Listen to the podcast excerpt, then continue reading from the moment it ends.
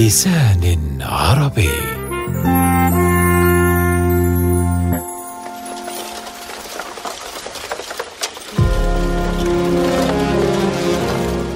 بين طموح أمير جيش الفتح ومخاوف الخليفة على الجند انطلقت خيول المسلمين تجاه مصر.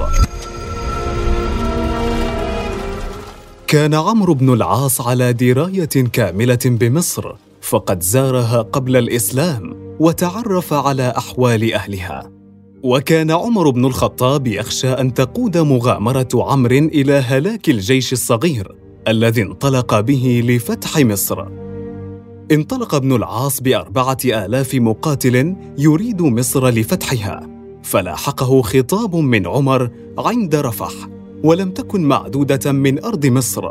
سارع عمرو بالمسير ولم يتوقف ولم يأذن للرسول بالدخول عليه حتى اطمأن أنه بالعريش وأصبح في مصر فقرأ الخطاب. من عمر بن الخطاب. أما بعد فإنك قد غررت بمن معك فإن أدركك كتابي ولم تدخل مصر فارجع وإن أدركك وقد دخلت فامضي واعلم أني ممدك. كان هذا فحوى خطاب الخليفة.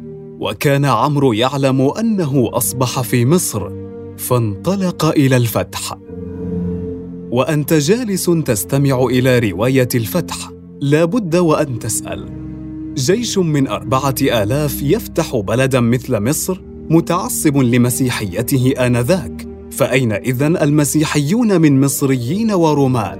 وأين وثنيو أهل مصر؟ هذا ما سنعرفه في هذه الحلقة من بودكاست النيل.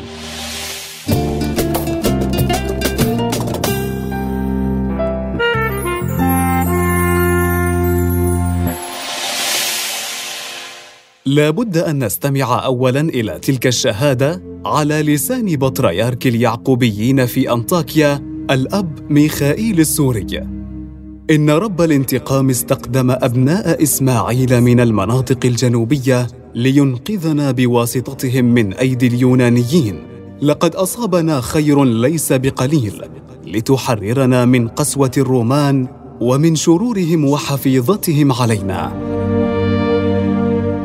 كلام هذا الاب يوضح لنا كيف أن مسيحيي الشرق كانوا جميعا يعانون من مسيحيي الغرب وهذا ما جعلهم لا يتدخلون في المعركة بين الفاتحين المسلمين وبين المحتلين الرومان.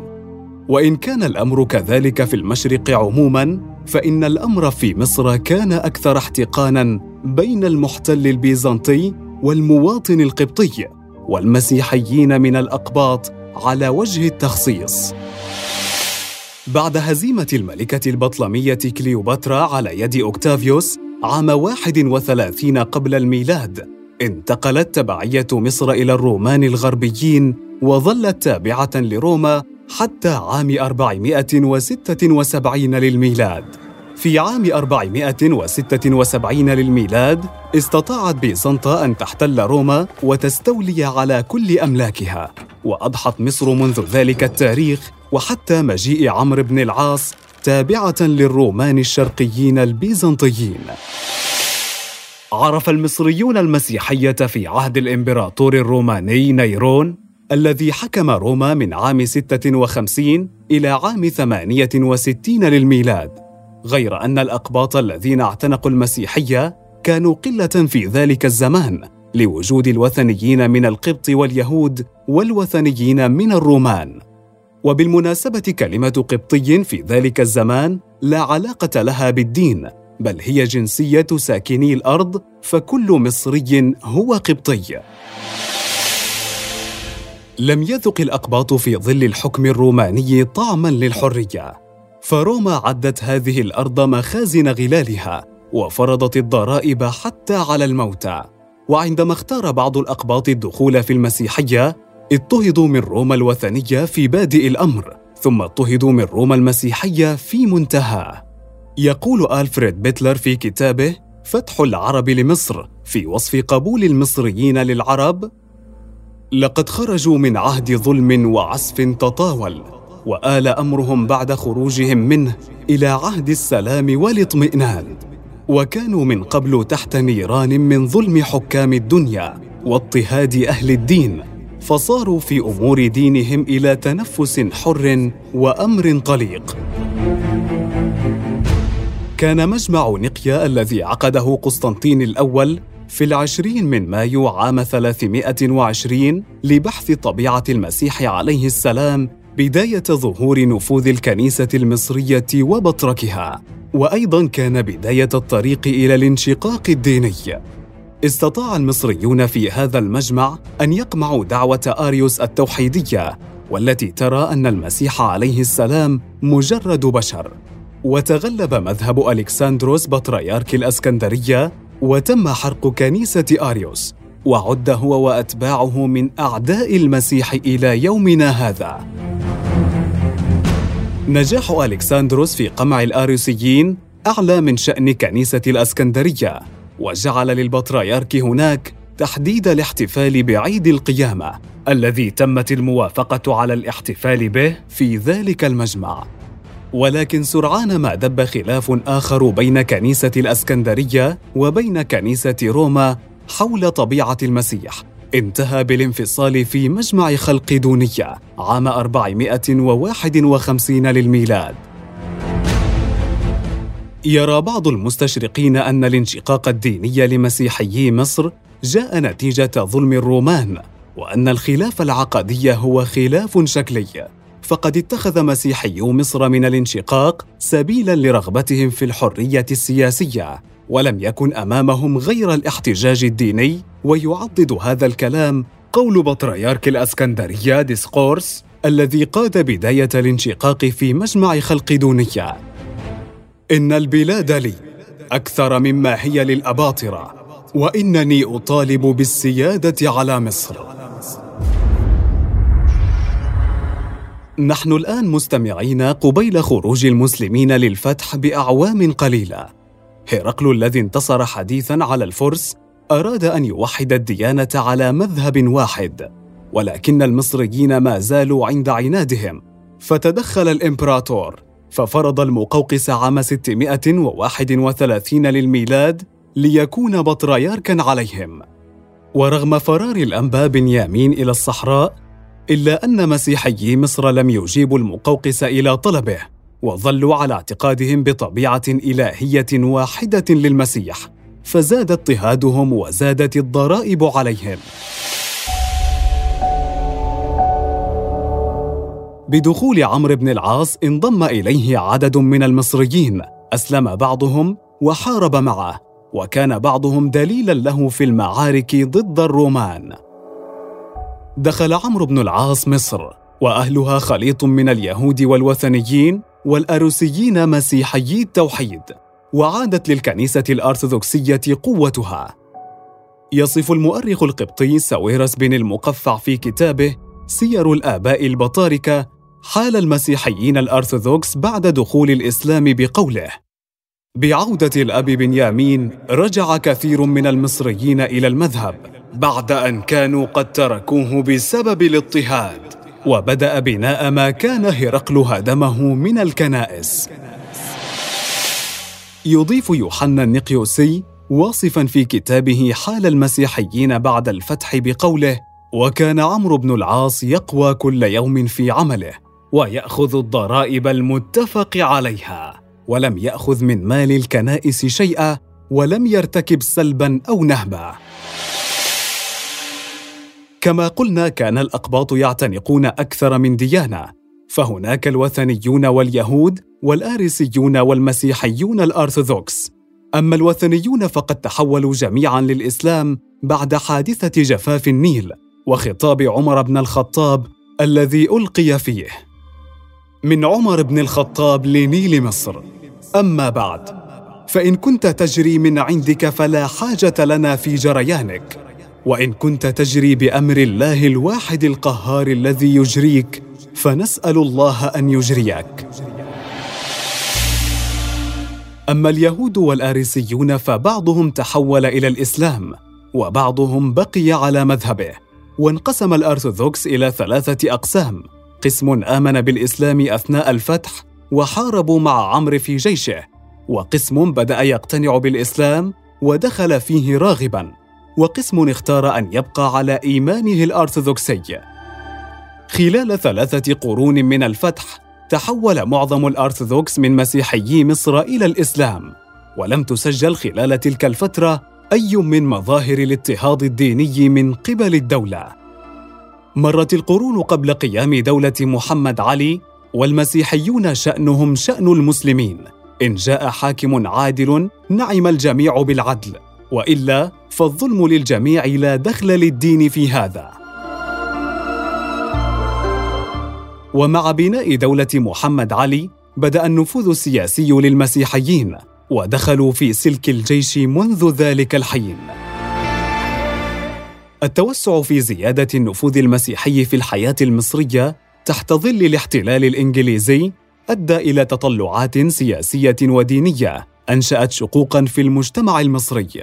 ففي عام 1911 عقد مؤتمر مسيحي في أسيوط صاغ فيه المسيحيون جملة مطالب بينها زيادة التمثيل النيابي وتخصيص موارد مالية للكنيسة. والمساواة في إسناد الوظائف الإدارية. فكانت ردة الفعل مؤتمرا إسلاميا للرد على هذا البيان السياسي. عقد المؤتمر في الأسكندرية ورفض كل ما جاء في مؤتمر أسيوط. وبدأ شق المجتمع. جاءت ثورة 1919 لتعطي للمسيحيين نفوذا أوسع في الحياة المصرية خصوصا في مشاركتهم فيها ورفع شعار عاش الهلال مع الصليب. ليخطو المسيحيون منذ ذلك الحين خطوة أوسع في مغالبة المسلمين في الحياة السياسية. ويصبحوا معطلين للكثير من الاحتياجات الدينية والشرعية لدى مسلمي مصر. كان دستور 1923 هو المكافأة التي أطلقت حرية الأقليات عموما في تشكيل الجمعيات وضمان كفالة الحقوق الخاصة للمصريين بمعنى أدق رعاية الدولة لتنفيذ مطالب مؤتمر أسيوط. مع قيام حركة يوليو 1952 استفادت الطبقات الوسطى والدنيا من المجتمع المصري بما فيهم مسيحيو مصر من تغييرات المجتمع وخطت الكنيسة خطوة أوسع في الاستقلال عن الدولة. في السبعينيات وعندما اعتلى شنود الثالث كرسي الكرازة المرقسية بدأ ظهور النفوذ الحقيقي للكنيسة وصار البطريرك ندا للدولة. ظهر ذلك جليا في صدامات كثيرة حدثت بين شنودا والسادات. كان أخطرها ضغط المسيحيين من عام 1977 للميلاد لمنع تطبيق حد الردة الذي أعلن السادات عزمه إصداره. عطل المسيحيون استصدار قوانين تتوافق مع الشريعة في عهد السادات وأعلن شنودا الصوم في كل البلاد يوم الخامس من سبتمبر 1977 احتجاجا على قوانين الشريعة. وبدأ واضحا أن شعب الكنيسة لم يغدو تحت سلطة الدولة منذ ذلك الحين. أمام هذا الضغط الذي كان بمثابة استعداء للقوى الخارجية اضطرت الدولة إلى تعطيل القوانين وعدم إصدارها. كانت الخطوة الأولى في تغليب دور البابا على دور رئيس الدولة من فترة محمد علي، تلتها خطوات كثيرة. ومع كل خطوة كان المسيحيون يتقوقعون وينضوون تحت جناح الكنيسة لتتحول من دار عبادة إلى مركز سياسي تخرج منه المظاهرات. حتى شهدنا أواخر أيام مبارك مسيحيين يطالبون شارون وأمريكا بضرب مصر وآخرين يطالبون بإلقاء المسلمين في صحراء الجزيرة العربية. لو ما كانش حسن مبارك ياخد لنا حقنا نخلي أمريكا تاخد لنا حقنا. هو الصح ده. الغريب أن دولة مبارك كانت تغذي هذا الاتجاه الانفصالي حتى إنها كانت تختلق التفجيرات وعمليات القتل الممنهج ضد مسيحيي مصر. وامعانا في خلق الأزمة كانت تنسب تلك التفجيرات أو عمليات القتل لمسلمين راديكاليين حتى جاءت حادثة كنيسة القديسين التي انتهت بثورة يناير.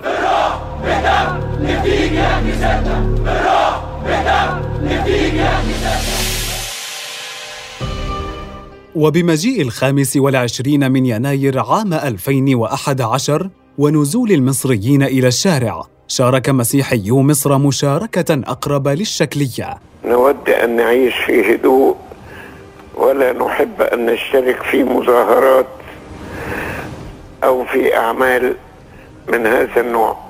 طبيعتنا كده اعتمدت المجموعات التي سمح لها بالنزول في يناير من المسيحيين على الوجود الإعلامي والتقاط الصور الدالة على وجودهم. مضت أيام الثورة المصرية التي ظن المصريون أنهم عادوا فيها لما قبل محمد علي وأنهم صاروا شعبا واحدا متعدد الأديان. لكن الكنيسة المصرية كان لها رأي آخر. فقد تزامن موت البابا شنودا وتولي توادرس كرسي الكرازة مع تحضيرات الجيش المصري للانقلاب. لم يكن مجيء توادرس إلا استكمالا لمسار شنودا بل تطويرا له في استغلال الدولة وتحويلها لصالح أهداف الكنيسة. كان من الطبيعي أن تعرض الدولة ثمنا مجزيا وأن تقبل الكنيسة الثمن فظهر رأسها مساندا للمنقلب في مشهد الانقلاب. بانقلاب يوليو تحول البطريرك حاكما مدنيا حقيقيا للمسيحيين فضلا عن نفوذه الديني. وخرجت الدولة تماما من تنظيم شؤون المسيحيين كرعايا ومواطنين. الأخطر أن نفوذ البطريرك امتد للتحكم في الدستور المصري وبذلك صار شريكا في الحكم لرأس الدولة ومتحكما في واقع المصريين السياسي عموما. فزادت بذلك مساحة الخاسرين من هذا النفوذ فالدولة تدفع ثمن اعتماد رئيسها على طائفة والطائفة تدفع ثمن تحكم رأسها في حياتها الدينية والمدنية.